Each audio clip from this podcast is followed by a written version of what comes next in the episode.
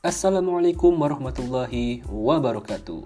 Kawan-kawan, kali ini kami kembali hadir untuk menebar semangat dan manfaat untuk kita semua agar bisa kita dengarkan bersama-sama di mana pun kita berada.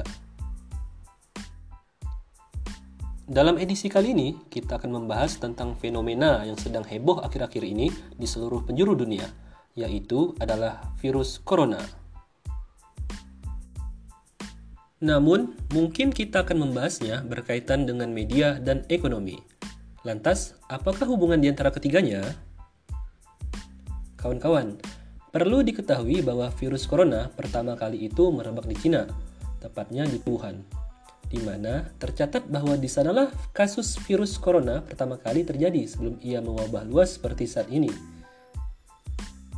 Namun, kita tidak akan membahasnya panjang dan lebar dari sudut pandang medis, tetapi, mari kita lihat dari sisi jurnalistik dan kaitannya dengan perkembangan ekonomi. Dari artikel yang ditulis Philip Scogans, seorang kolumnis ekonomi, bahwa di sana dapat diketahui media memiliki peran yang sangat penting dalam penyebaran informasi, terutama mengenai virus corona ini. Dari media-media informasi inilah yang sebenarnya menjadikan virus corona menjadi terkenal. Kalau bahasa milenialnya ya viral gitu kan. Dari media inilah yang sebenarnya menjadi pelaku yang juga dapat dikatakan bertanggung jawab atas kehebohan dan kepanikan yang timbul di masyarakat. Imbasnya adalah seperti aktivitas mulai dibatasi, kebutuhan sandang papan pangan mulai diborong semua oleh masyarakat gitu kan karena panik, hingga ke sekolah-sekolah yang mulai ditutup. Sampai ke dibatasinya atau ditutup berbagai kegiatan perekonomian di masyarakat seperti pasar dan lain-lain hingga ke dampaknya ke perekonomian nasional di berbagai sektor yang sangat berpengaruh akibatnya.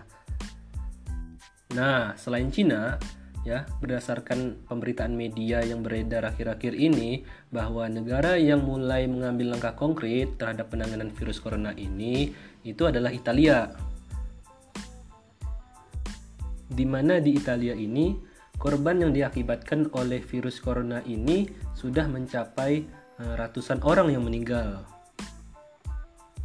Seperti yang tadi dikatakan bahwa pemerintah Italia pun sudah mulai mengambil langkah konkret terhadap penanganan virus corona ini, yaitu dengan meliburkan sekolah-sekolah, membatasi aktivitas untuk masyarakat di luar rumah gitu kan, bahkan menghimbau secara langsung kepada masyarakat untuk tinggal di dalam rumah.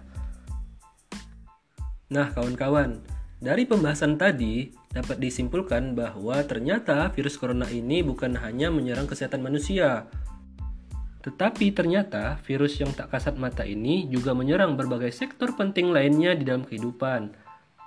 Seperti dalam hal perekonomian, khususnya pasar, perdagangan antar negara, dan lain-lain. Kalau kita perhatikan ya kawan-kawan, kasus virus corona ini seperti halnya butterfly effect. Mengapa demikian? Kasus virus corona yang pertama kali terjadi itu kan ada di provinsi Wuhan, sebuah provinsi di Cina.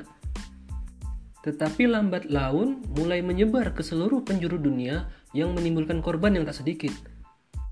Ibaratkan butterfly effect gitu kan, yang diakibatkan oleh kepakan kecil daripada sayap kupu-kupu, tetapi lambat laun mengakibatkan badai yang besar di belahan bumi lainnya. Di mana awalnya ini kan berasal daripada pola hidup daripada masyarakat di sebuah provinsi di Cina yang mengkonsumsi makanan-makanan yang ekstrim yang menurut penelitian menjadi penyebab munculnya virus corona ini. Yang lambat laun, imbasnya juga bukan hanya dirasakan oleh penduduk sekitar situ, tetapi juga disebarkan kepada seluruh penduduk dunia gitu. Jadi masyarakat dunia itu juga dikhawatirkan bahkan juga tak sedikit yang juga terkena dampak daripada akibat dari pola hidup yang kurang sehat ini gitu. Bahkan imbasnya daripada butterfly effect ini di sektor lain seperti yang sudah kita bahas tadi adalah di sektor ekonomi gitu kan. Bagaimana kita melihat ini sebuah proses penyebaran virus yang berawal dari sebuah virus yang tak kasat mata menyerang manusia tapi ternyata dia juga menyerang eh, berbagai sektor penting lain seperti ekonomi gitu apalagi olahraga bahkan yang semuanya uh, dikacaukan oleh virus corona ini gitu. Apalagi ditambah oleh framing media atau pemberitaan media kepada masyarakat yang dinilai cenderung memberikan informasi-informasi yang dapat memicu kehebohan di masyarakat. Di samping minimnya informasi yang dimiliki oleh masyarakat tentang seperti apa virus ini, bagaimana penanganannya, itu masyarakat kurang mendapatkan itu dari media gitu. Sehingga jadilah masyarakat yang kurang edukasi, kurang informasi, tetapi malah diberikan informasi berupa uh, penyebaran corona yang makin meluas gitu kan. Sehingga jadilah kehebohan-kehebohan yang muncul di masyarakat dalam hal perilaku, yaitu memborong uh, bahan-bahan pokok bahkan masker berlebihan ya.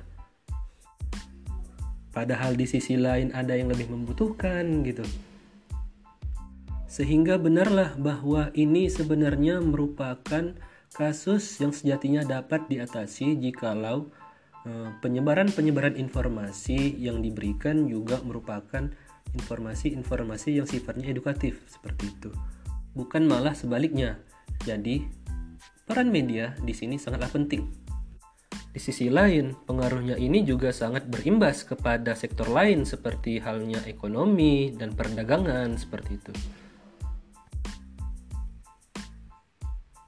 Oke kawan-kawan, seperti itulah pembahasan dari kami.